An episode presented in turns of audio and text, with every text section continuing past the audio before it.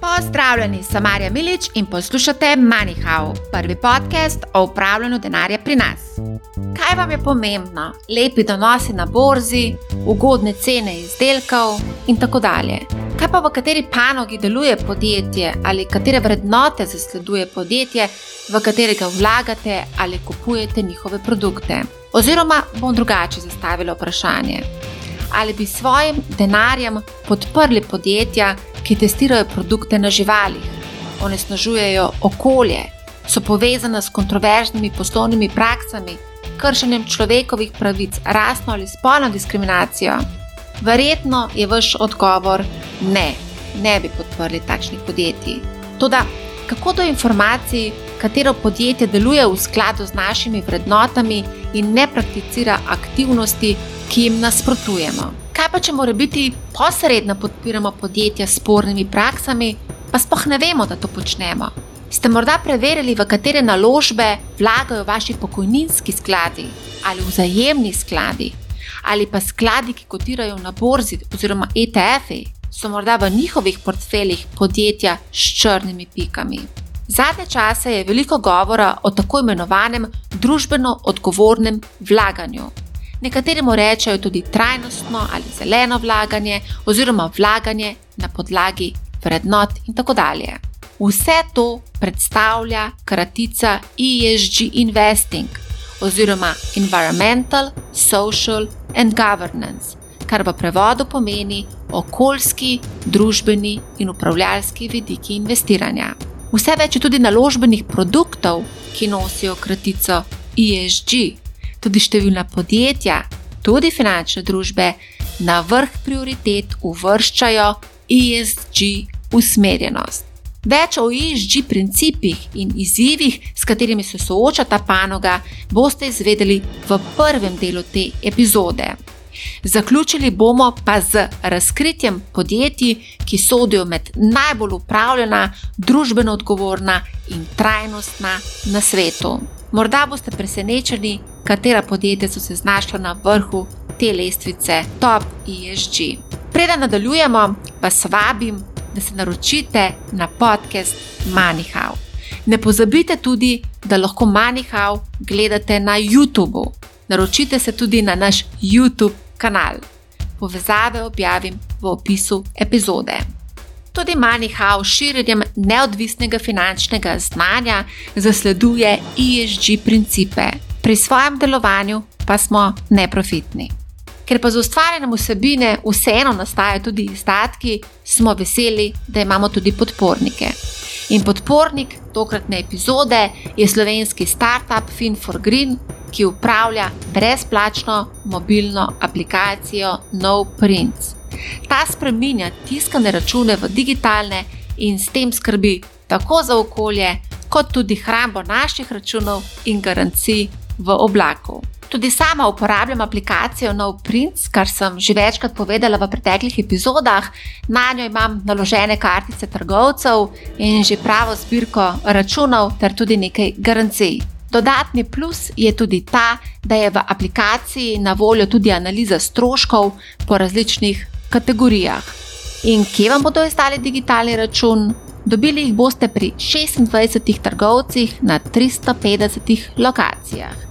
Izdali vam ga bodo denimo v Big Bangu, DM Studio, Euroton, Mitch Styling, Simple, Vrtni center, Kaljari, Fuzel, Mana in drugi. Nove trgovce pa tudi stalno dodajajo. Skratka, nič vas ne stane, če testirate aplikacijo NoPrints in pomagate dinamični ekipi zagonskega podjetja ter tudi naši naravi. Povezavo do aplikacije objavim v opisu epizode. Sedaj pa k vsebini. Zadnje čase je veliko govora o tako imenovanem družbeno odgovornem vlaganju, oziroma trajnostnem ali zelenem vlaganju, oziroma vlaganju na podlagi vrednot in tako dalje. Vse to predstavlja kratica ESG Investing oziroma Environmental, Social and Governance, kar v prevodu pomeni okoljski, družbeni in upravljalski vidik investiranja. Vse več je tudi naložbenih produktov, ki nosijo kratico ESG. Tudi številna podjetja, tudi finančne družbe v svoje poslanstvo uvrščajo ESG usmerjenost. O tem, kako vlagati v skladu z ESG principi, kje so priložnosti in nevarnosti to vrstnega vlaganja za male vlagatelje, se bom pogovarjala s Silvo Deželan, ki je direktorica za področje ESG na Stafford Capital Partners v Rotterdamu. Pozdravljeni! Pozdravljeni in eh, hvala za povabilo. Z veseljem. Z ESG tematiko se ukvarjate dobrih 15 let, oziroma skoraj 15 let, tudi v, pre, ja, tudi v prejšnjih službah, eh, prav tako na nizozemskem in sicer v finančnih družbah Rabobank in Robeco, ste bili zadolženi za področje trajnostnega investiranja ter implementiranja ESG principov v sklade tveganega kapitala velja. V bistvu od leta 2007 delam na tem področju, pri čemer najprej kot analitik, eden prvih analitikov na področju social responsible investing, kar je v bistvu danes podobno kot ESG investing, ker se termin zelo široko uporablja. Potem nekaj let na banki, Rabobanka je ena največjih nizozemskih bank na oddelku za privatno bančništvo pri izbiri finančnih produktov.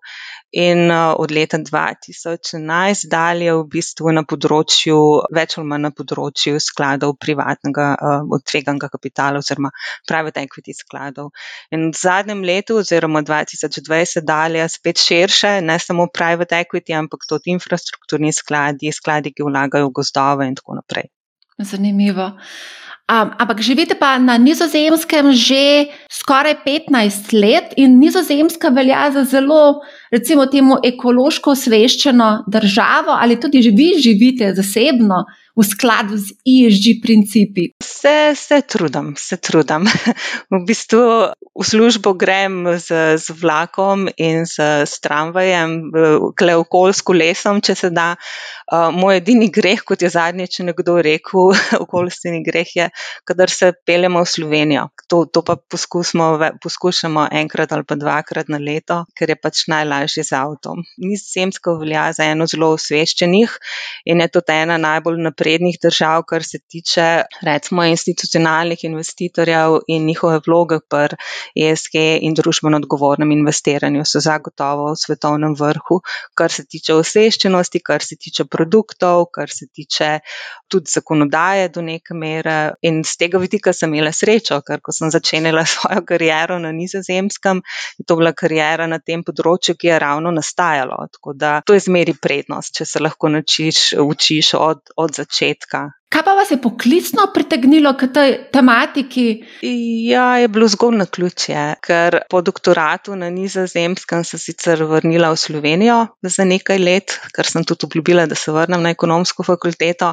Sem se imela nizozemskega partnerja, pri čemer je bilo zelo težko kombinirati. Leto, dve smo v bistvu živeli in v Sloveniji na Nizozemskem, potem pa to več ni šlo. Tako da sem se preselila na Nizozemsko in iskala pač ustrezno. Ja, ustrezen izziv oziroma ustrezno delovno mesto. In to je bilo novo področje, na katerem so rabili ljudi, ki so imeli finančno predznanje in ki so se bili pripravljeni učiti. Tako da mene je to zanimalo, pa se mi zdi tudi, glede na to, Kje in kako sem odrasla, v bistvu sem odrasla z velikim spoštovanjem do narave, če delaš, če imaš neki svoje zemlje, pa delaš na njej, spoštovanje do ljudi, Po mojem je to v bistvu uh, izjemno pomembno. Pa tudi ravno, ko sem konč, končvala doktorski študij, so se pojavili prvi članki o pomenu dobrega upravljanja, governance in kakšen vpliv ima ta na podjetja. Tako da z tega vidika je vse skupaj ena kombinacija. In ko sem videla, da so pač iskali uh, ljudi za to področje, sem se prijavila in vse ostalo je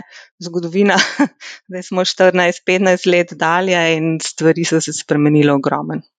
Je pa to zdaj zelo, zelo vroča tematika. Ne? Jaz temu pravim, da je to name of the game.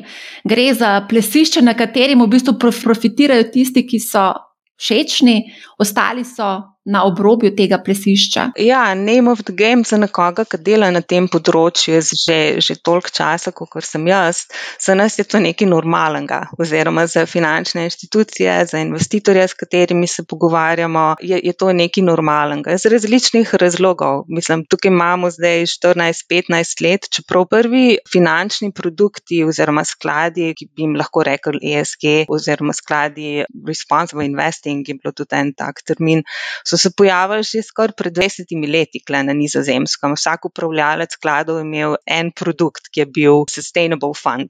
Tako da uh, stvari so se začele spreminjati tam nekje leta 2006-2007, tukaj, ko so v bistvu raziskovalni novinari šli gledati, kakšne naložbe so v portfeljih pokojninskih skladov. In ko so tam našli recimo proizvajalce orožja, proizvajalce tobaka in tako naprej, so se začeli spraševati, ali je to res to, kar ljudje hoče imeti v svojih naložbah za pokojnine. Tako da potem so šle stvari zelo hitro. Danes v bistvu v, v zahodnem svetu, po mojem, ni, ni več možno ali ponuditi finančnih produktov, pa so lahko to uh, naložbeni ali pa bančni, brez da bi imel nekje ugrajene elemente, ki jih poznamo kot ES ali pa G. Tudi pri nas eh, so začeli eh, se pojavljati skladi, tudi vzajemni skladi in seveda tudi pokojninske družbe, kjer v bistvu pravijo, da ugrajuje to ESG principe v svoje upravljanje.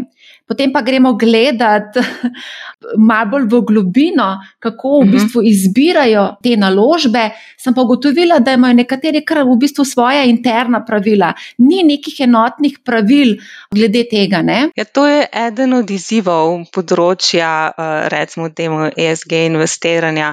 Na eni strani ni, ja, se pridružujemo, da ni standardov, po drugi strani je precej standardov in vodičev in pravil za določene aspekte oziroma za določene vrste produktov. Situacija, kakršno ste opisali, pa je v bistvu posledica tega, da je možno vlagati na zelo različne načine. Družbeno odgovorno pomeni vse živo.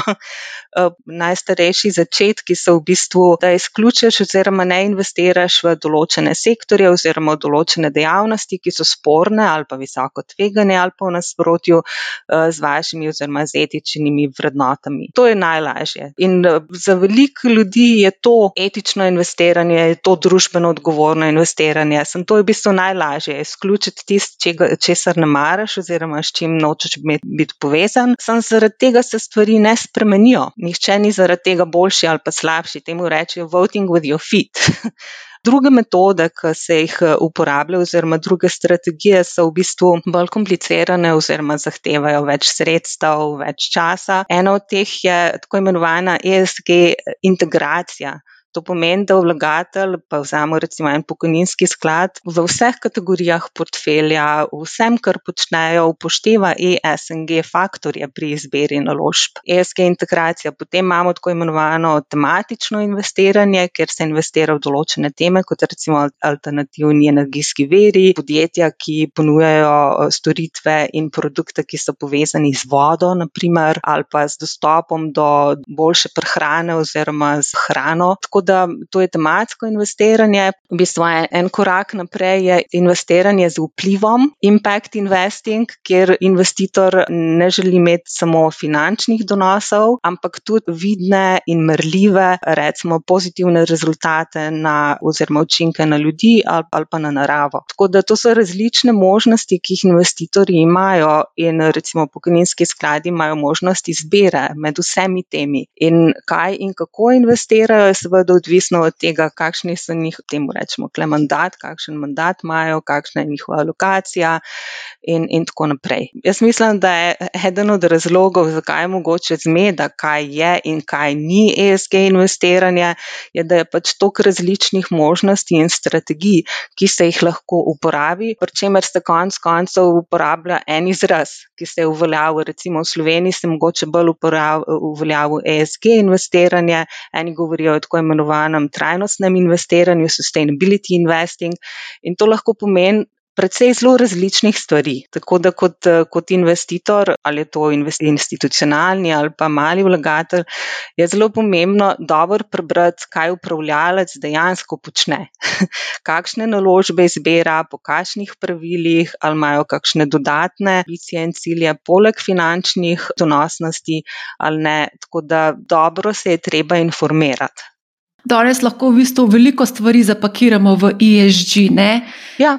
Ja. Uh, no, ampak pojavili so se pa številni brokerji, pa tudi ponudniki podatkov, tržnih analiz, kot so Mornik, Star, pa MSCI, pa Bloomberg, tudi Yahoo Finance, imajo neke svoje lestvice oziroma ponujajo ESG ocenjevanja kjer rangirajo določene delnice, koliko so te lestvice, koliko so verodostojne? Za vsako lestvico oziroma rangiranjem je neka metodologija. Tako da najpomembnejše je poznati metodologijo, zato da veš, kaj, kaj eh, recimo takšna lestvica odraža. Danes sta verjetno najpomembnejša ponudnika tako imenovanih ESG ratingov oziroma ocen Sustainalytics in MSCI ESG. V preteklosti jih je bilo več, pa so jih v bistvu pokupili. Tako da je to združeno zdaj znotraj MSCI, obstaja tudi nekaj bolj lokalnih ponudnikov, recimo v Franciji, Vižejo in tako naprej. Ampak najpomembnejše je pač poznati metodologijo. Morningstar recimo uporablja ocene od Sustainalytics in upošteva pač eh, naložbe, katera podjetja so v določenih skladih. Za podjetja dobijo ocene od Sustainalytics in na osnovi tistih ocen potem dobijo oceno za sklad, za določen sklad. Pomembno je pogledati, kakšna je metodologija oziroma kaj ocena dejansko odraža. Ti rejtingi so na voljo za večja kotirajoča podjetja, ki so tudi uvrščena v te najbolj pomembne indekse, ki jih investitorji uporabljajo kot benchmark ali pa kot osnovo za uh, vlaganje v indeksne sklade ali pa ETF. Sam ogromen je podjetij, za katere ni rejtingov. In uh, jaz v bistvu zadnjih deset let delam na področju, kjer ocen nimamo, kjer si v bistvu prisiljen iti k družbam za upravljanje oziroma private equity družbam in jih vprašati, kaj delate, kako delate, oziroma oceniti, preden vložimo v, en, v enega od njihovih skladov, in potem, ker v bistvu se zavežeš za 10 do 15 let, vsak let spremljati, kaj počnete, kako izgleda portfelj, katera podjetja ste kupili, kako ste jih ocenili, kakšna so njihova tveganja. Tako da v bistvu je največji izziv tam, kjer podatkov sploh ne moreš kupiti. Za ta kotirajoča podjetja je v bistvu relativno lahko in večino večinoma institucionalni investitorji banke kupujejo, so naročniki teh podatkov, nekateri na osnovi teh gradijo svoje, recimo, ocene oziroma rejtinge. Samo ponudnikov je, je več, eh, metodologije so različne, osredotočijo se na različne elemente. Eh, v bistvu so akademske študije, ki kažejo tudi, da so korelacije med temi med različnimi rejtingi istih podjetij relativno nizke, kar ni presenetljivo, glede na to, da ima vsak drugačno metodologijo. V končni fazi poskušajo oceniti, kako, mislim, kako se obje, neko podjetje obnaša oziroma kako uspešno je glede na okoljske, pa uh, socialne oziroma družbene vidike in, in kakšno je njihovo upravljanje, governance. Samo vsak to počne na mal drugačen način, z drugimi vprašanji, z, z drugimi indikatorji. Recimo v zadnjih uh, letih so dodali nove aspekte, kot recimo v kolikšni meri podjetja prispevajo k tako imenovanim Sustainable Development Goals se pravi, k tem dolgoročni agendi za trajnostni razvoj, če gledamo globalno do leta 2030.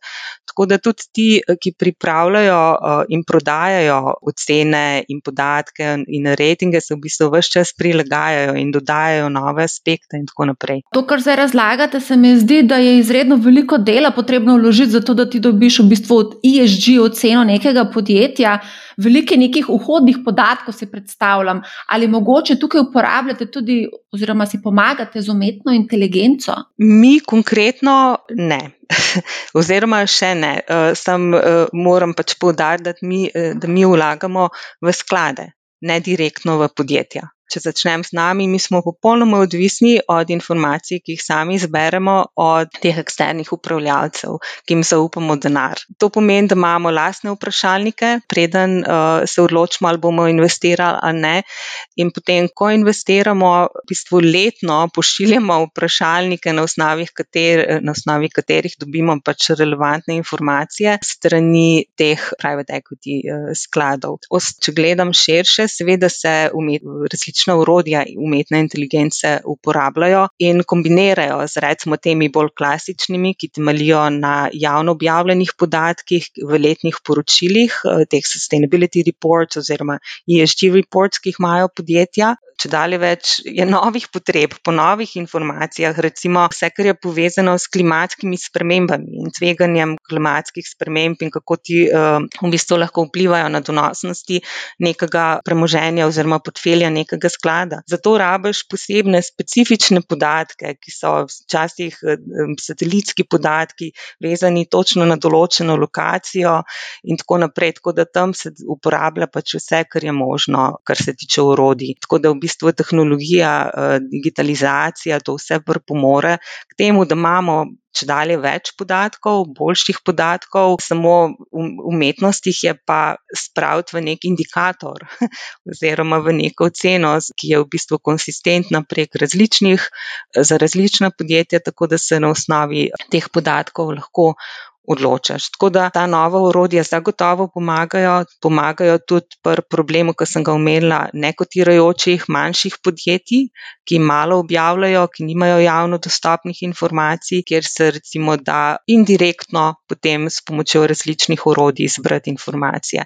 En tak primer je eno od urodij, ki uporablja umetno inteligenco, ki v bistvu išče podatke o negativnih člankih ki so vezani na okolje, odnose do, recimo, do zaposlenih in pa upravljanje. Tako da recimo mi, mi uporabljamo eno od teh orodij, Reprisk, in oni nam v bistvu zberijo vse članke, ki jih najdejo vem, v 23 jezikih, več, sto, več kot 100 tisoč medijev pregledajo dnevno in, in najdejo članke o tem, recimo, da je bila nekje nesreča pri delu, da sta vem, dva zaposlena umrla, druge je bil izliv odpadkov v lokalne vode in tako naprej. Tako da na ta način poskušamo zbirati informacije o recimo podjetjih, ki jih imajo naši skladi v premoženju, ker takih podatkov direktno ni možno kupiti zaenkrat. Prej ste omenila, da se zbirajo podatki s pomočjo vprašalnikov.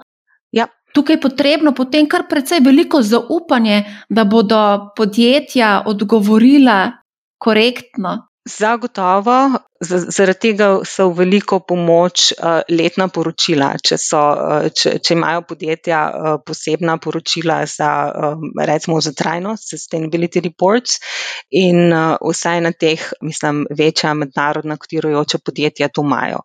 Za takšna poročila obstajajo standardi, tako imenovan Global Reporting Initiative, poleg tega so revidirana oziroma se pričakuje, da bodo revidirana. In to so podatki, oziroma podatki iz teh poročil se potem uporabljajo, oziroma jih uporabljajo Sustainalytics in MSCI in ostali, ki, ki jih zbirajo. To je potem kot vhodni podatek, uh, oziroma se uporabljajo kot vhodni podatki v njihove ocene. Je pa to ena od kritik tega področja, oziroma ESG podatkov in informacij, da v glavnem je, uh, se temelji na samoporočanju. Umenila sem revidirana leta letna poročila, samo nima jih vsak. In, in teh velikih kotirajočih podjetij, ki to imajo, je relativno malo, če primerjamo s številom vseh podjetij, ki jih imamo, oziroma ki, ki so v takšnem ali drugačnem oziru na trgu. Tako da zaupanje, ja, ampak je po drugi strani tudi eh, veliko tveganje uh, ugleda in vloga finančnih institucij, ali so to vlagatelji kot pokojninski skladi oziroma tudi banke, je, da preverijo te informacije, da jih spremljaš kot take. In eh, vsaj v Evropi, pa tudi druge po svetu, se če dalje več pričakuje in zahteva od finančnih institucij oziroma udeležencev finančnih trgov, da imajo določena znanja, da imajo ljudi z določenimi znanji, da vejo oziroma znajo oceniti, kakšnim tveganjem so izpostavljeni, da znajo preberati in zbirati informacije in se na njihovi osnovi odločati. Samo dejstvo je, da večina podatkov prihaja strani podjetij in če niso revidirani in pač moraš zaupati ali pa ne, pri čemer nekatere teh rating agencij uporabljajo tudi vprašalnike, se pravi, za dodatne informacije, oziroma grejo dodatno k podjetjem in jih um, v bistvu prosijo za dodatna pojasnila, in tako naprej. Kaj pa recimo, če se zgodi v nekem podjetju neka packarija, ali se ta ISG ocena v bistvu takoj korigira ali čez čas? Takoj bi pretiravala. Takoj se, kolikor pozna metodologije, ker vsaka od teh rating agencij upošteva tudi incidente, temu rečejo incidenti v podjetjih.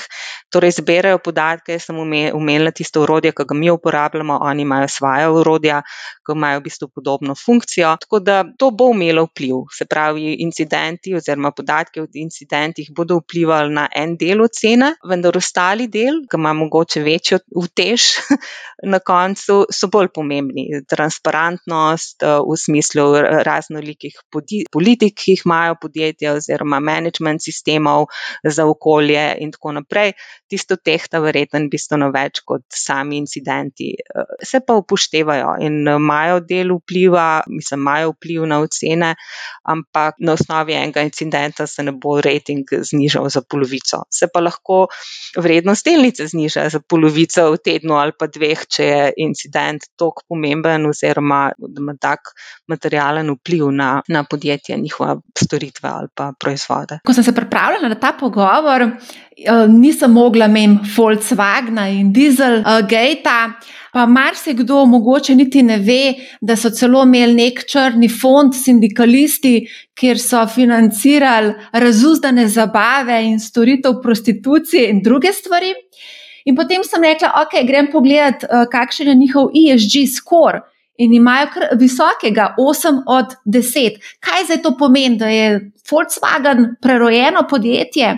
Ja, v bistvu je treba pogledati spet metodologijo, kako, kako nastane ta ocena. Volkswagen je bil v času, mislim, takrat okrog leta 2017, ko je afera prišla ven, je bil eden izmed vodečih podjetij v sektorju med proizvajalci avtomobilov. In v bistvu to dokazuje, da ti rejtingi niso usmerjeni v prihodnost, ampak so v bistvu backward looking, kako rečemo, v bistvu na osnovi poročil in podatkov iz preteklosti in tako naprej. In to je bil en takšen wake-up call tudi za uh, ponudnike rejtingov, tako da nekateri, recimo Sustainalytics, je potem dodal eno novo oceno, ki v bistvu odseva tveganje oziroma tveganost nekega podjetja znotraj sektorja in tako naprej. Ocene so, kakršne so, so odsev metodologije, drugo pa je seveda kakšna materialna škoda, kar se, mislim, kar se tiče stroškov, ki so jih imeli, kar se tiče izgube vrednosti podjetja na, na, na borzah,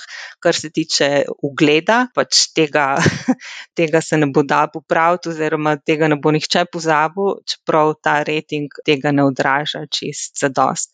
Je pa to bil e, eden pomembnih incidentov oziroma indikatorjev, da ti rejtingi niso vse. Zato še enkrat poudarjam, pomembno je pogledati, kaj je v zadju in kaj se dejansko meri. To ne pomeni, da, da podjetje, ki, je, ki ima najvišji rejting, nima nobenih incidentov, da ne bo imelo incidentov v prihodnje. Ne, pomeni v, v največjih primerih samo, da so boljši, oziroma po indikatorjih, ki so upoštevani, so boljši kot njihovi kolegi v istem sektorju. Zdaj, podjetja se kar precej hvalijo, da so v skladu z ESG-jem. Ali je lahko to morda tudi motiv, da skrijejo kakšno packarijo, ker pač seveda ne morejo izgubiti tega ugleda, pa vse trud, ki so ga vložili v gradnjo ESG, Olimpa, recimo temu tako. Ja, jaz bi rekla, da to lahko samo kratkoročno se je, je, je to možno prikriti. Ker če pogledamo, mislim, koliko informacij, koliko podatkov različni deležniki oziroma stakeholderi zbirajo v podjetjih. Jaz sem omenjala finančne institucije, od katerih se če dalje več pričakuje in zahteva banke, ki financirajo ta podjetja, delničari, institucionalni investitorji, ki so delničari teh podjetij, potem potrošniki, stranke teh podjetij. Mediji, nevladne organizacije, se niso samo Sustainalytics in, in uh, ta MSCI ESG, ki ocenjuje ta podjetja. V bistvu jih ocenjujemo vsi, vsak dan, pri določenih sektorjih, ki so bolj potrošniško usmerjeni oziroma uh, imajo potrošniške dobrine, igramo mi kot potrošniki tudi pomembno vlogo. Banke imajo svojo vlogo. delničari imajo svojo vlogo. Pričemer, če si majhen delničar, je ta zelo omejena, če si večji institucionalni vlagatelj, pa imaš možnost recimo eh, glasovanja oziroma podajanja predlogov za eh, glasovanje na letnih skupščinah. Vidimo, da večji institucionalni investitorji do, doskrat delajo skupaj oziroma se povežejo, kadar so v dialogu z, z, recimo, z večjimi podjetji, kot recimo Shell in tako naprej, so celi konzorciji institucionalnih investitorjev, ki skupaj skušajo doseči spremembe v določenih podjetjih. Tako da kot institucionalni investitor imaš več možnosti, kot mali vlagatelj manj.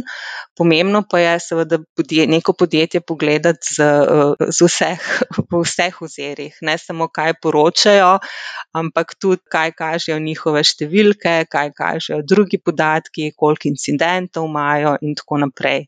Mislim, da je v današnjem času nam tudi v bistvu tehnologija ponuja toliko več transparentnosti oziroma toliko več podatkov, da je težko v bistvu skriti stvari. Ja, je pa tudi res, da mali vlagatelji, ki so v bistvu amaterski vlagatelji, nimajo toliko časa, da bi zdaj investirali svoj čas in raziskovali, kaj se dogaja v ozadju vseh teh podjetij, in se morda tudi bolj zanašajo na te ISG ocene, ki prihajajo od raznih teh inštitucij. Je pa tudi nekaj res, recimo konkretno pri mojem brokerju lahko izbereš točno tiste vrednote, ki so ti pomembne, recimo enakopravnost med spoloma, rasami, etično vodenje, transparentnost poslovanja, čista voda, zrak in tako dalje. Lahko pa celo označimo prakse. Ki so nam sporne in v katere ne želimo uh, investirati, recimo testiranje na živalih, lobiranje, stropenje odpadki, proizvodnja tobaka, alkohola, orožja, hazardiranje in tako dalje. To nam v bistvu znotraj platforme omogoča broker danes. Ne? To je tako imenovan ta negativ screening oziroma izločanje recimo sektorja oziroma dejavnosti, s katerimi ne, žel, ne želiš biti povezan kot vlagatelj. V bistvu ta, ta možnost izbere je dodana, zato ker so podatki, ki to omogočajo, ve se, v katerih dejavnostih podjetja delujejo, odkot so njihovi letni dohodki, iz kakšnih verov, tako se uporablja oziroma te informacije so na, zdaj v bistvu standardno ugrajene. Ponudnik ponudniki, ki sem jih prej omenjala, ti imajo te informacije, ki omogočajo izločanje. Vaše platforme oziroma podelek privatnega bančništva, verjetno katerekoli večje banke omogoča vlagateljem, da pač eh, izberejo tisto, kar jim ustreza, oziroma kar jim ne. Po drugi strani so tudi modelski portfelji, ki so uh, zgrajeni tako, da so osredotočeni samo na recimo sklade, ki imajo pozitiven vpliv ali pa dobre rejtinge. Tako da tega, teh možnosti za male vlagatelje več. Mogoče še najtežje v primeru, kadar kupuješ delnice direktno. Ker tam moraš poznati oziroma moraš uh, imeti dosti informacij o tem, kaj podjetje počne, oziroma zaupati tem eksternim rejtingom. Druga možnost je pač, da ti nekdo, ki ima znanje, ki pozna področje, ki pozna produkte, pripravi oziroma sestavi portfelj, ki ustreza tvojemu tveganju in tvojim ambicijam, recimo, oziroma željam. Mogoče bi tukaj omenila še eno, en startup, Open Invest ki omogoča investiranje na podlagi naših vrednot, ki je nastal leta 2015, bil je podprt strani res eh, velikanov iz Silicijeve doline, eh, sedaj je bil prevzet strani JP Morgana. Ali se tu ustvarja nek nov trg ocenjevanja oziroma integriranja to vrstnih eh, platform v privatno bančništvo, ali bo to nekaj, kar bo v prihodnosti nekaj povsem normalnega? Ja, jaz mislim, da bo, oziroma odvisno, kje si, pa prkom imaš odprte trgovalne račune, to že obstaja v manjši oziroma večji meri. Nekatere banke recimo tukaj zgradijo ta urodja interno. JP Morgan v tem primeru je kupil nekoga, ki ima, ki ima dobro urodje, ki ima dober produkt. Dejstvo pa je, da povprašanje po teh dodatnih nefinančnih informacijah bo če dalje večje. Tako da vsak mora najti rešitve, ki jim pač najbolj odgovarjajo, tudi glede na to, kdo so stranke oziroma in, in kakšne produkte ponujajo. Tako da to je siguren en, en trend, se pravi, popraševanje po teh informacijah, če dalje bolj specifičnih informacijah, recimo, kar se tiče klimatskih sprememb, podatki o, o emisijah tega oglikovega dioksida in tako naprej. To je možno standardno ugraditi če ljudi oziroma če, če vlagatelje to zanima. Podatke je možen dobiti. Kaj pa recimo konkretno vaše stranke najbolj recimo zanima v sklopu tega ESG-ja? Naše stranke so v glavnem manjši pokojninski skladi, ki nimajo svojih recimo oddelkov oziroma ljudi, ki bi izbirali oziroma ki bi imeli ustrezna znanja. Zavarovalnice, nekaj od teh tako imenovanih family offices, In njih zaenkrat v glavnem zanima, kaj mi počnemo v celem, recimo, investicijskem procesu. Preden sprejemamo odločitve, preden se odločimo, ali bomo kupili nek sklad ali ne, kakšne vprašanja postavljamo uh, tem eksternim upravljalcem, kakšne dokazile zahtevamo. Potem, če se odločimo za investicijo, uh, pri čemer smo tam nekje 10 do 15 let v bistvu vloženi v skladu, kako spremljamo njihovo poslovanje, uh, kaj zahtevamo od njih vsako leto, kaj lahko mi poročamo o rezultatih, recimo nefinančnih rezultatih investitorjem. Tako da v glavnem jih zanima, če imamo procese in politike, kar se tiče ESG integracije. Eh, so pa, so pa regionalne razlike tukaj tudi. Recimo eh, ameriške eh, institucionalne vlagatelje zanima raznolikost spolov. To je njim izjemno pomembna tema oziroma bistveno bolj pomembna kot recimo nizozemskim institucionalnim vlagateljem. Tako da teme so v bistvu zelo različne. Naši avstralski javni pokojninski skladi nas redno sprašujejo o tem, kako ocenjujemo in spremljamo spremljamo tveganja modernega suženstva. Bi rekel človek, da je to ena zelo specifična tema oziroma vprašanje, ampak to je posledica uh, avstralske zakonodaje, imajo tako imenovan Modern Slavery Act, podobno tudi v, v Veliki Britaniji, na osnovi katerega se zahteva od podjetij, dolo, vključno finančnih institucij, uh, določene velikosti, pač da dokažejo in pokažejo, kako ocenijo tveganja, kaj delajo, kako jih upravljajo in ne samo v svojem, recimo v svoji dejavnosti in proizvodnji, ampak v celi verigi, supply chain.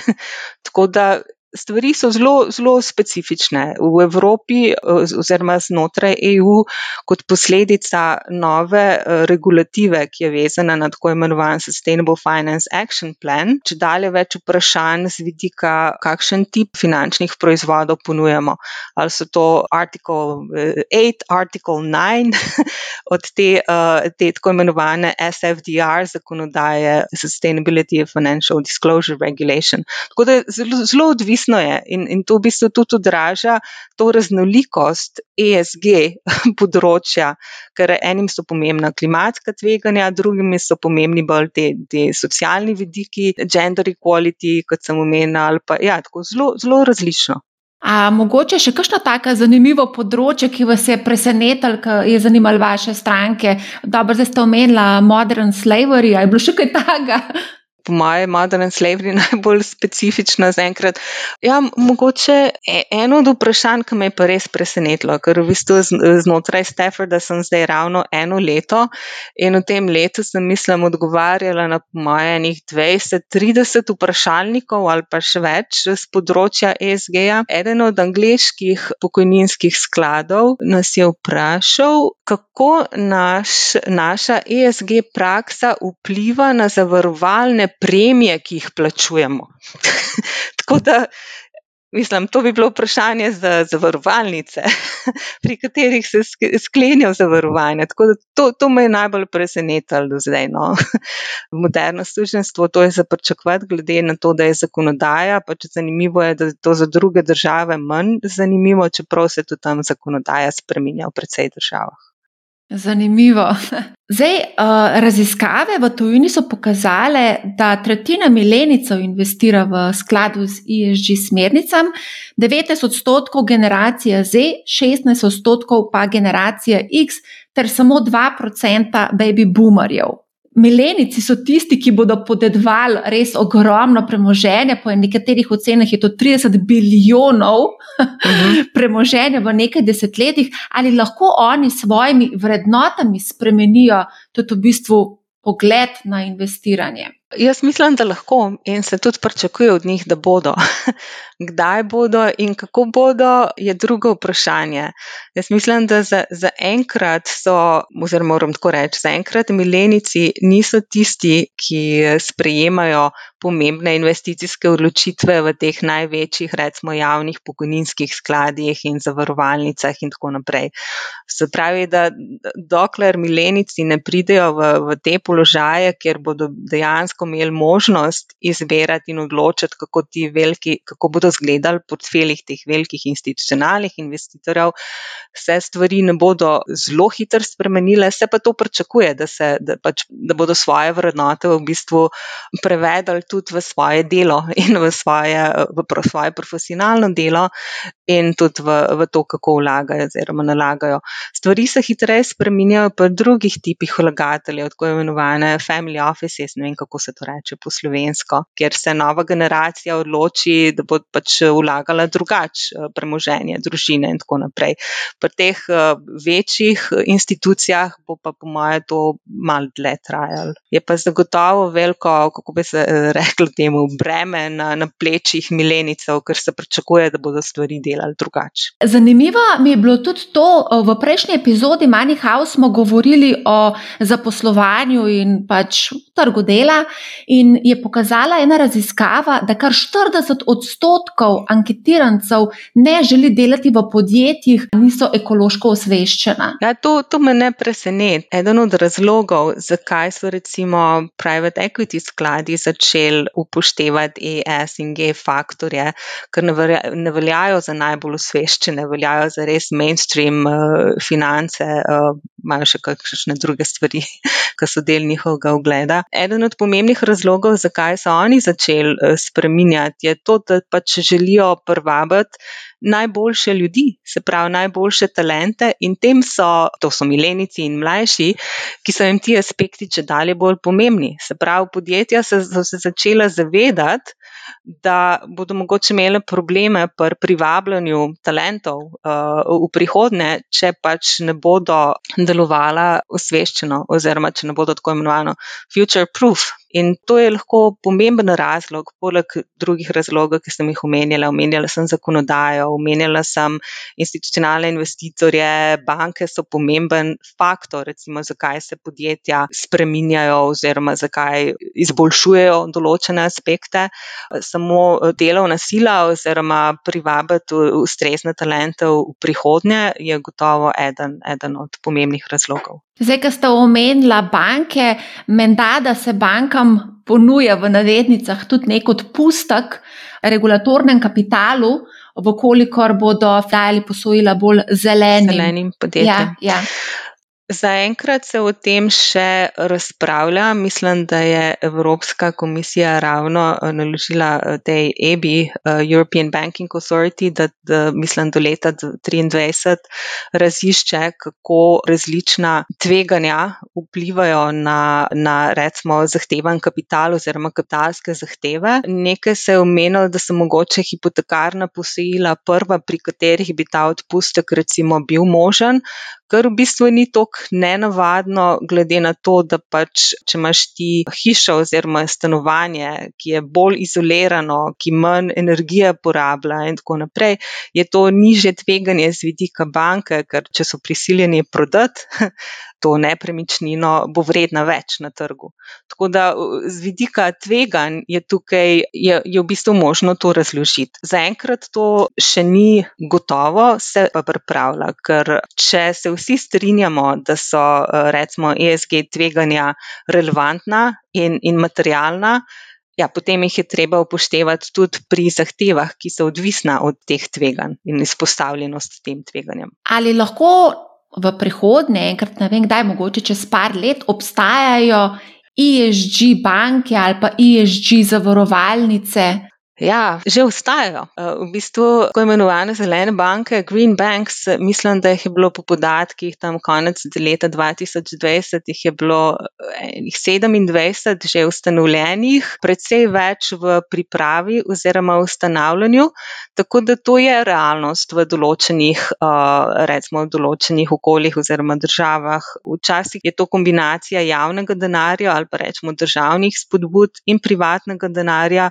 Po drugi strani te tako imenovane ja, ESG banke, jih tukaj tudi poznamo na nizozemskem. To so v bistvu, jaz bi rekla, bolj, bolj posebne banke, niša na trgu, ki v bistvu financirajo samo podjetja. In projekte, ki ustrezajo njihovim strogim kriterijem. Ti kriteriji so pa v bistvu usklajeni s tem trajnostnim razvojem. Tukaj imamo dva primera, Triodos banka je ena, ASN banka je tudi ena, samo to so relativno mehne banke, ki so osredotočene samo na področja, ki so po njihovem mnenju ESG proof. To pomeni, da imajo uh, relativno omejen obseg storitev, ki jih imajo, in uh, ostajajo relativno mehne v primerjavi s temi velikimi one-stop shop, uh, mainstream bankami, ampak rastejo v svojem segmentu. V bistvu obstaja tudi združenje teh values-based bank, bank in tako naprej. Ta segment raste, samo v primerjavi z recimo s celotnim trgom, ostaja relativno mehen. In mogoče je to tudi ena stvar, ki bi jo rada poudarila.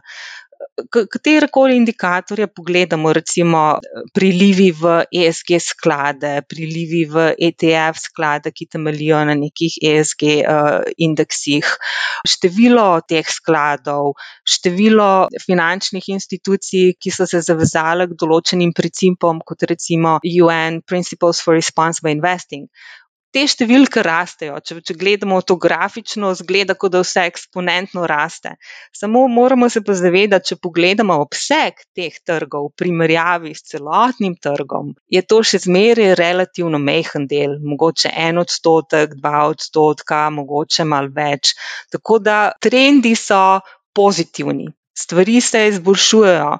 V Evropski uniji pomaga zakonodaja ogromen in regulativa, da se stvari spreminjajo. Samo v bistvu moramo poskrbeti vsi skupaj, da tistih 90 ali pa 95 ali pa 99 odstotkov, da se tisti začnejo spreminjati, da se tam pri običajnih storitvah, pri običajnih eh, skladih oziroma finančnih proizvodih, ki nimajo ESG v imenu, da se tam stvari začnejo tudi spreminjati. To je v bistvu izziv, če hočemo v, v prihodnosti govoriti o tako imenovanih trajnostnih financah, v trajnostnem finančnem sistemu, v bistvu je treba spreminjati tam, kjer je masa. tako da to je izziv. In, ampak na srečo se stvari spreminjajo, recimo ta evropska, ravno ta nova evropska strategija za, za trajnostne finance, ki se je pred nekaj dnevi oznano Sustainable Finance Action Plan izpred treh let in tako naprej. Te stvari pomagajo, da se stvari spreminjajo hitreje. Omenila ste ETF-e. V EU kotira skoraj 150 različnih ETF-ov, ki so skladni z nekim, nekimi ESG principi. Na kaj mora biti mali vlagatelj pozoren, ko pregleduje vse te ETF-e, ki imajo ESG nalepko? Ja, mislim, da jih je skupaj po enem poročilu UNCT, da konc 2020, mislim, da je bilo več kot 500 ETF-ov, ki so imeli sustainability ali pa že globalno. Globalno, uh, ja. ja, ja. Mislim, raznolikost je odziv tistih različnih strategij, eh, ki sem jih omenila na začetku. Nekateri od teh ETF-ov verjetno samo izključujejo določene sektorje, drugi so osredotočeni na eh, podjetja v določenih sektorjih, ki jih smatramo, da so skladna s trajnostnim razvojem, tako kot naprimer alternativni energijski veri in podobno. Tretji indeksi so spet lahko na bazi eh, oziroma na osnovi rejtingov, tako da izberejo samo podjetje podjetja, ki imajo najvišji rating po določeni metodologiji, en cel kup je novih indeksov, na osnovi katerih so, eh, so ETF produkti, ki, ki so tako imenovani low carbon, oziroma pri katerih so podjetja z relativno, nizkim, z relativno nizkimi emisijami oglikovega dioksida in tako naprej. Pomembno je gledati, kako je sestavljen indeks, ki je osnova za izbiro podjetij v določenem ETF-u. Se pravi, če gremo nazaj na najen pogovor, metodologija. Se pravi, razumeti, kaj pomeni ESG, je izlo, pomeni to, da določenih sektorjev tam ni, pomeni to, da so tam samo podjetja, recimo z nizkim CO2 emisijami ali nekaj tretjega. No, zdaj, ko govorimo o varovanju okolja, ne, tudi omenjate, to področje je kar spolitizirano, se mi zdi, tudi pri nas trenutno aktualen primer je referendum o vodah. Ne. Kako se v bistvu ocenjuje politično tveganje sprememb zakonodaj? Nekatere vlade so bolj, druge manj naklonjene zeleni politiki, samo spomnimo se Trumpa. Konkretno. Politična tveganja oziroma tveganja spremembe regulative se upoštevajo oziroma ocenjujejo pri vseh investicijskih odločitvah. Tukaj so samo specifična, ker so recimo vezana na na, okolje oziroma na, na določene spremembe. Imeli smo primere, recimo v teh južnih državah Evrope oziroma sredozemskih, kot je Španija, s subvencijami za alternativne vere, ki smo imeli ogromno negativ, negativnih učinkov na vlagatelje, ki so pač računali, da bodo subvencije trajale dlje časa in tako naprej. Se pravi, politika ima precej vpliva. Primer Trumpa, uh, Trump je poskušal precej stvari ustaviti, uh, zaustaviti, ampak na srečo so lokalne države oziroma zvezdne države kot Kalifornija, New York in podobne so pač svojo lokalno regulativo lahko dosegle oziroma uh, postavljale kriterije, ki so bistveno strožji, kar jim omogoča uh, v bistvu uh, stvari spremeniti in, in tako naprej. Se pravi, eh, politika ima vlogo, samo včasih je možno od, od spodaj na vzgor stvari vseeno spreminjati, tudi če je v bistvu negativna politična klima, to ne ustavlja podjetij, da se spreminjajo, to ne ustavlja vseh drugih deležnikov, ki sem jih prej omenila. Samo en moteči faktor je potem, ki stvari pač eh, včasih začasno, včasih manj le časa zavleče oziroma zaustav, samo stvari se spreminjajo in določenih teh trendov mislim, da ni, da ni več možno, možno zaustaviti. Tudi osveščenost ljudi se spremenja, oziroma je toliko boljša, da, da zagotovo pripomore k, k tem spremembam. Eden od problemov oziroma izzivov je pa ta, da v bistvu mi vseh teh spremembah, ki smo jih omenjali, so vezane na zahodni svet, na razvite države. Izziv je seveda drug del, ki se spopada z drugačnimi težavami, poleg eksistenčnimi težavami, o katerih svet in podjetij, o katerih vemo bistveno manj, o katerih je bistveno manj informacij na voljo, bistveno manj teh letnih poročil, ki imajo nefinančne podatke, in tako naprej. Se pravi, izziv je tudi, kako tisti del sveta spremeniti, oziroma kako tistemu delu pomagati, da se pač tem spremembam, ki so nujne, recimo kot odziv na klimatska tveganja, da se to da uresničiti. Govor je verjetno tudi o Kitajski tukaj, ne? Kitajska ni ravno zgledna z tega ISG področja spoh stališča človekovih pravic. Ne? Tudi zdaj zadnja afera, ko so poskušali nekako vplivati na Didi, to je ta transportna platforma, ki je poskušala kotirati uh, na, uh, v ZDA. Kitajska je v bistvu del tega eh, recimo, področja, ki sem ga preumela, ne, to, ne toliko nerazvita, ampak bolj eh, netransparentna. Bistveno manj informacij, sem po drugi strani ogromne priložnosti, tudi naložbene priložnosti. Tako da pač vsak investitor mora pretehtati eh, tveganja glede na pričakovane donose.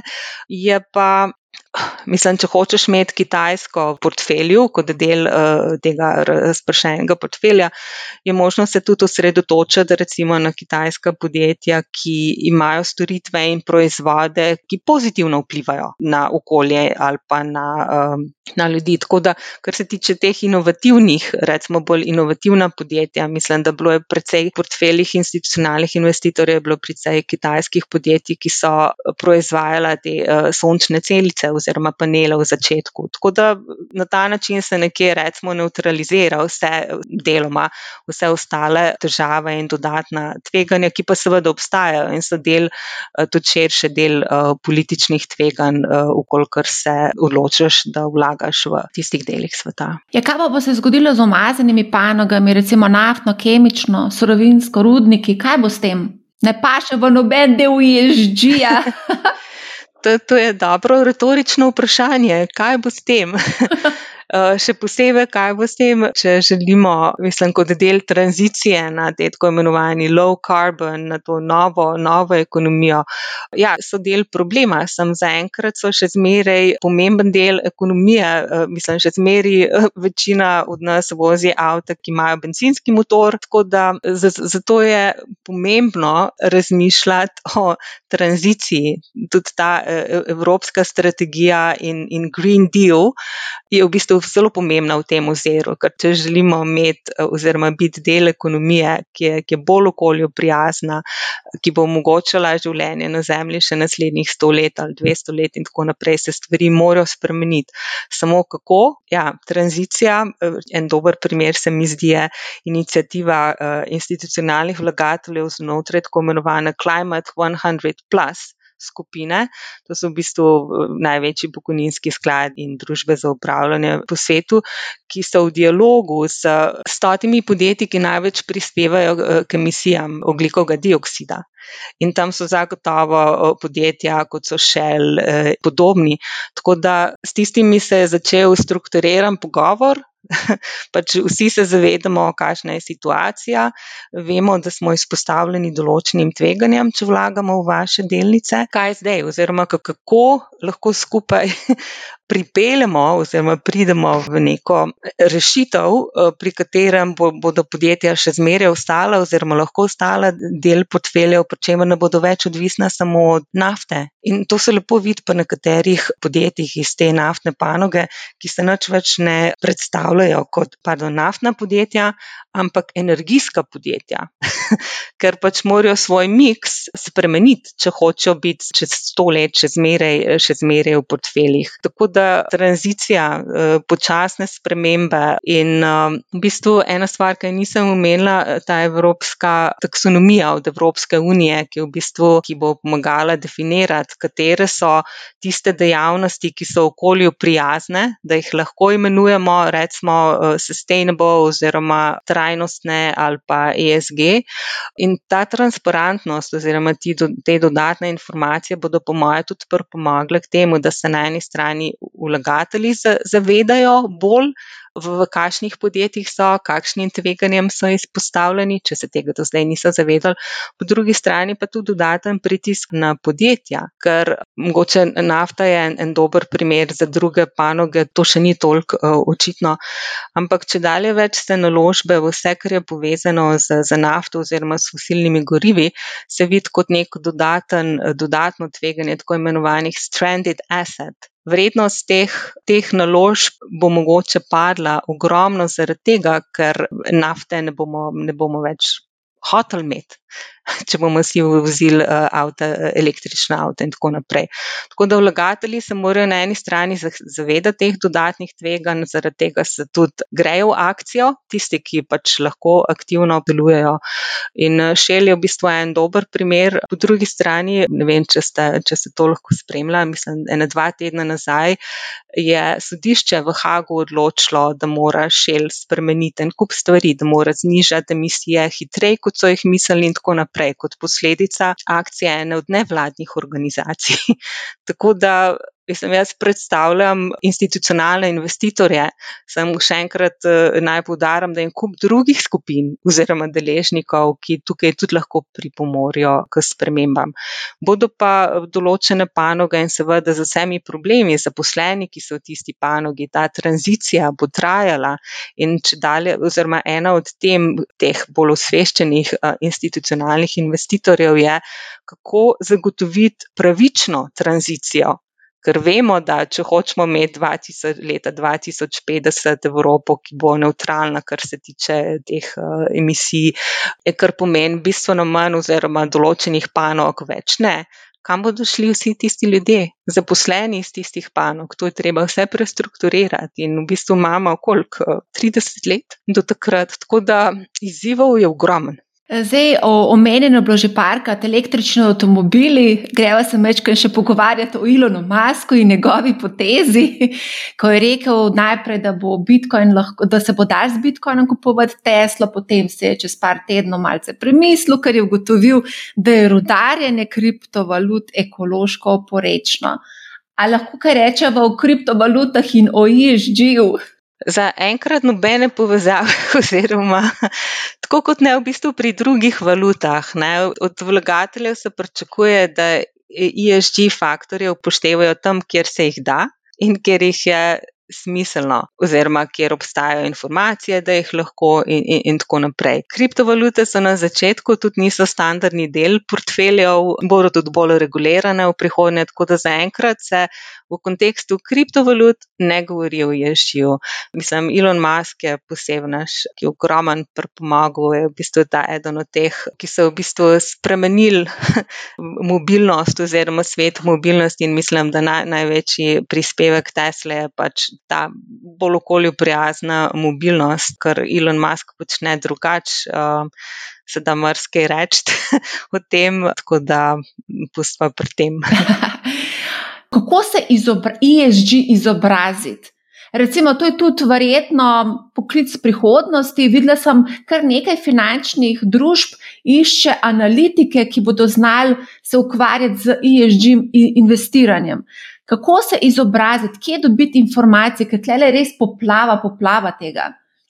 Mislim, da en pomemben dejavnik bo eh, izobraževanje nasplošno to je dolg, dolgotrajni proces, ampak dosež, da te teme, o katerih so se pogovarjali, postanejo del programov na srednjih šolah, osnovnih šolah, univerzah, pri poklicnih izobraževanjih, pri recimo različnih certifikatih in, in podobno, recimo za računovodje, za finančne analitike.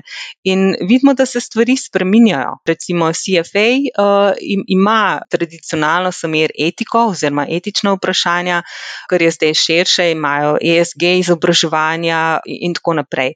Se pravi, znotraj recimo teh bolj tradicionalnih združenih se stvari spreminjajo. Po drugi strani je ogromen javno dostopnih informacij, recimo z področja družbeno odgovornega investiranja v vseh možnih teh kategorijah finančnih proizvodov. Jaz bi ljudem rekla, naj grejo na spletne strani UNPRI, Principles for Responsible Investment. To je v bistvu naj, največja, najbolj množična inicijativa investitorjev na področju družbeno odgovornega vlaganja. In PRI ima zdaj več kot 4000 članov, se pravi, vse največje družbe za upravljanje, banke na svetu in tako naprej so, so se v bistvu obvezale, da bodo eh, delovali v skladu s šestimi principi tega PRI-ja. V glavnem, PRI ponuja ogromno vodičev, ogromno, tako od, od video materijala do vodičev, kako vlagati družbeno odgovorno v delnice, v obveznice, v private equity sklade, za, za investitorje, pa tudi za ponudnike uh, teh uh, proizvodov. Po drugi strani razna združenja, recimo mi smo aktivni v Evropskem združenju private equity skladov, ti ponujajo tudi če dalje več materijalov in javno dostopnih, recimo vodičev in tako naprej za člane. Veliko tega je tudi, tudi javno dostopno za Slovenijo, moram, moram priznati, da ne vem, kje bi, kje bi lahko to našla. So mi pa v bistvu bivši kolegi uh, mi včasih po pošljajo stvari, tako da tudi Banka Slovenije je začela z tega področja stvari uh, objavljati, pa verjetno še kdo drug. Samo nasploh jaz bi rekla UNPRI, da tam lahko v bistvu najdeš, najdeš karkoli. Super. Odlično. Prišli smo do konca. Silva, da želim najlepša hvala za vse te informacije. Uh, mislim, da smo dobili res tak zelo dober pogled v ESG investiranje. Tako da iskrena, iskrena, iskrena hvala. Hvala, hvala za vabilo in uh, veliko sreče in uspeha vsem pri družbeno odgovornem vlaganju. Kot smo že povedali v uvodu, sledi lestvica top ESG globalnih podjetij. Pomagali smo se z indeksom MSCI World ESG Leaders.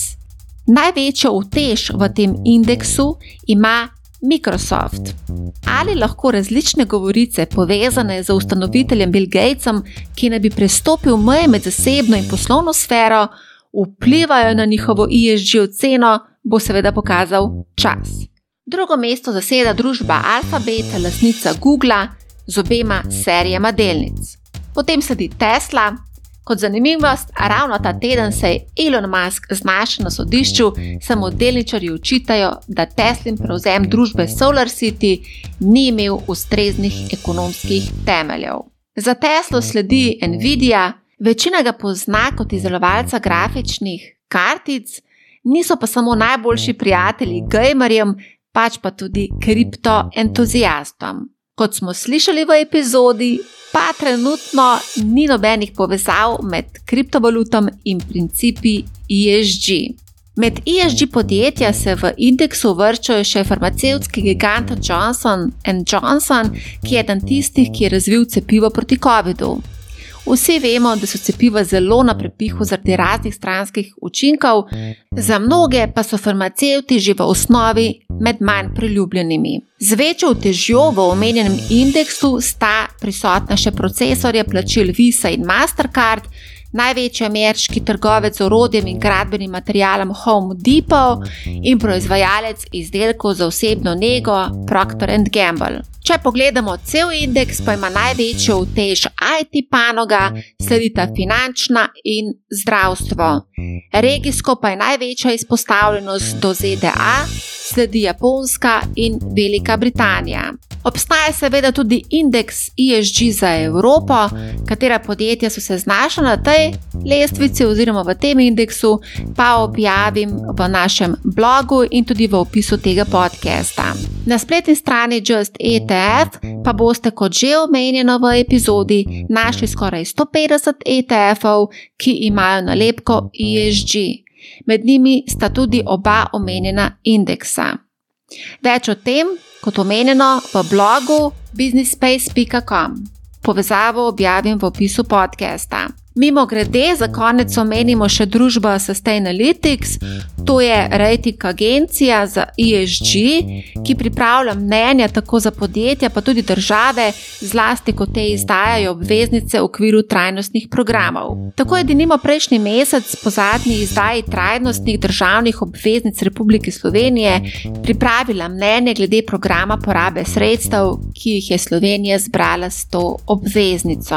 Zbrala pa je milijardo evrov z ročnostjo 10 let. Omenimo, da je popraševanje večkrat preseglo ponudbo in da bo do slovenski proračun stala nič cela 17 odstotka na leto. ESG je vroča zgodba in o tem bomo še govorili. V epizodi je bilo omenjenih kar nekaj spletnih strani, vse te vam bom tudi dala v opisu tega podcasta. Če imate kakršno koli vprašanje, mi pišite na marja.afnabusinessspace.com ali preko katerega od družbenih omrežij. Naročite se na podcast Manihau, zelo bom vesela, če boste posredovali informacijo o podkastu prijateljem, znancem, sorodnikom in vsem, za katere menite, da bi jim vsebina lahko koristila. Poslušajte Manihau, ne bo vam žal. Lep pozdrav!